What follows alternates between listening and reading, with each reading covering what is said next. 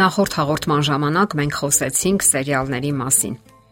Մենք եկանք այն եզրակացության, որ սերիալներից կախվածությունը վտանգավոր է տարբեր առումներով։ Այն հեռացնում է իրական կյանքից եւ մյուս կողմից այն մարդիկ, ովքեր ցանկանում են հեռանալ ցավոտ իրականությունից, խորանում են սերիալների մեջ եւ այնտեղ ապրում հերոսների կյանքով։ Սակայն դա վաղ թե ուշ դառնում է լուրջ կախվածություն, ինչպես ցանկացած թմրանյութի դեպքում է։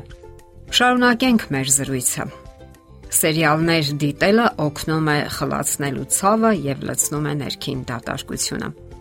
Մարդու մոտ այն տպավորությունն է, թե ինքն ապրում է եւ նույնիսկ մասնակցում է հերոսների կյանքին։ Հետաքրքիր խափեություն է, այնպես չէ՞ եւ հիանալի մտածված ամեն մանրամասներով։ Դա առանձնահատուկ կարևոր է հատկապես այն մարդկանց համար, ովքեր տարապում են դեպրեսիայով։ Սակայն ամբողջ հարցն այն է, որ ինչ մենք փախչում ենք իրական հիմնախնդիրներից, դրանք կուտակվում են եւ իրավիճակը գնալով ավելի է վատթարանում։ Հոկեբան Գայանիդե Սիլվիան պարզաբանում է. Մեր ուղեղը ծածկագրում է յուրաքանչյուր փորձառություն, այն, ինչ տեղի է ունենում մեզ հետ իրականում, այն, ինչ մենք տեսել ենք էկրանին, կարդացել ենք գրքում կամ երևակայել ենք ու պատկերացրել որպես իրական մի բան։ Եվ ահա ուղեղն այդ բոլորը ուղարկում է հիշողությունների պահեստարանը։ Երբ մենք դիտում ենք սերիալը, ուղեղում ակտիվանում են այն նույն գոտիները, որոնք գործում են նաև մեզ հետ տեղի ունեցող իրական իրադարձությունների ժամանակ։ Երբ մենք կապվում ենք գործող հերոսի հետ, նրա հիմնախնդիրները դառնում են մերը, ինչպես նաև նրա հարաբերություններն են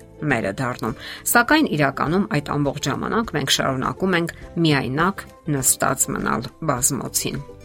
Երբ մենք ցանկանում ենք կտրվել ու հեռանալ աշխարից, պարփակվել մեր խեցու մեջ, փոխել ծրագրերը եւ հեռանալ աշխարից, դա վկայում է մոտեցող դեպրեսիայի մասին։ Դա տագնապալի ահազանգ է, որը պետք չէ անտեսել։ Այսօր, երբ սերիալներ դիտելը մեկուսացման սոցիալական ընդունելի եղանակներից մեկն է, շատ հեշտ է տրվել գայթակղությանը եւ ընկնել կախվածության մեջ։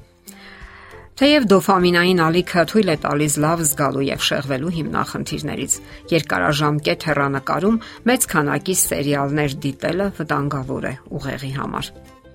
Մենք կարծես հայտնվում ենք փակ շրջանի մեջ։ Հերոստացույցը հրահրում է եւ նպաստում դեպրեսիայի առաջացմանը, իսկ դեպրեսիան հարկադրում է հերոստացույց դիտել։ Տոլեդոյի համալսարանի հետազոտողները ողրզել են, որ նրանք, ովքեր մեծ թափով սերիալներ են դիտում, ավելի շատ սթրես են ապրում եւ առավել շատ են ենթակա տագնապների ու դեպրեսիայի։ Ամեն ինչից զատ սերիալները պարզապես ոչնչացնում են մեր ժամանակը։ Մենք ավելի քիչ ժամանակ ենք ունենում շփվելու մերձավորների հետ վարելու երանդուն կյանք, գտնվելու թարմ օթում, Ոչ երանդուն կյանքն ինքը նպաստում է բացասական մտքերին։ Հասկանալի է, որ յուրաքանչյուր մարդ ունի իր սեփական կյանքի պատմությունը եւ այն եզակի է ու ինքնատիպ, սակայն իրականությունը եւ հասարակական միտումները հաճախ մոդելավորում են մարդկանց եւ նրանց վերածում երևույթների մեջ խոր չթափանցող մեծամասնության։ Մեր ժամանակները կարելի անվանել արկայծող փոքրիկ էկրանների ոսկյա դարաշրջան, ինչպես նաև հոգևոր, հոգեբանական, վատ թարացող առողջության դարաշրջան։ Ընթանուրից դեպի կոնկրետ անznավորությանն անցնելու դեպքում կարելի է նկատել, որ անverջ ֆիլմեր դիտելը մեզ հեռացնում է մարդկանցից, խանգարում է հոգալ սեփական առողջության մասին եւ անել այն, ինչը իրականում նպաստում է երջանկությանը։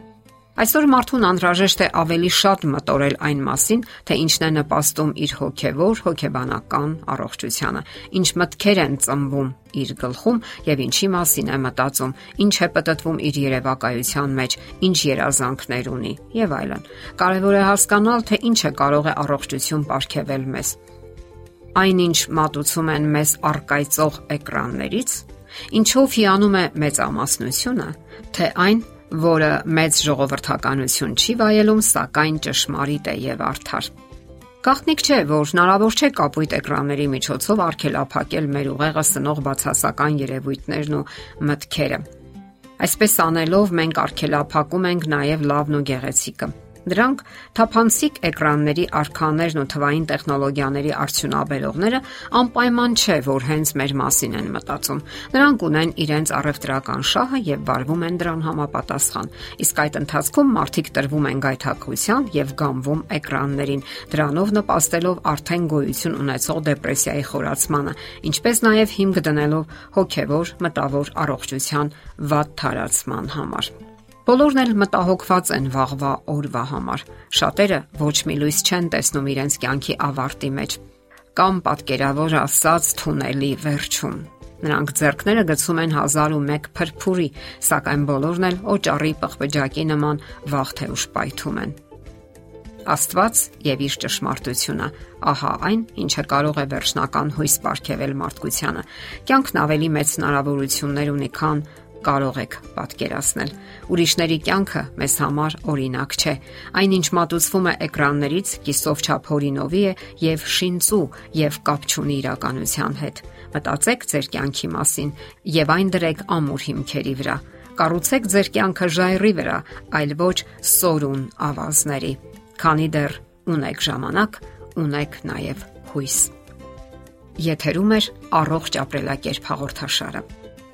Հարցերի եւ առաջարկությունների համար զանգահարել 033 87 87 87 հեռախոսահամարով։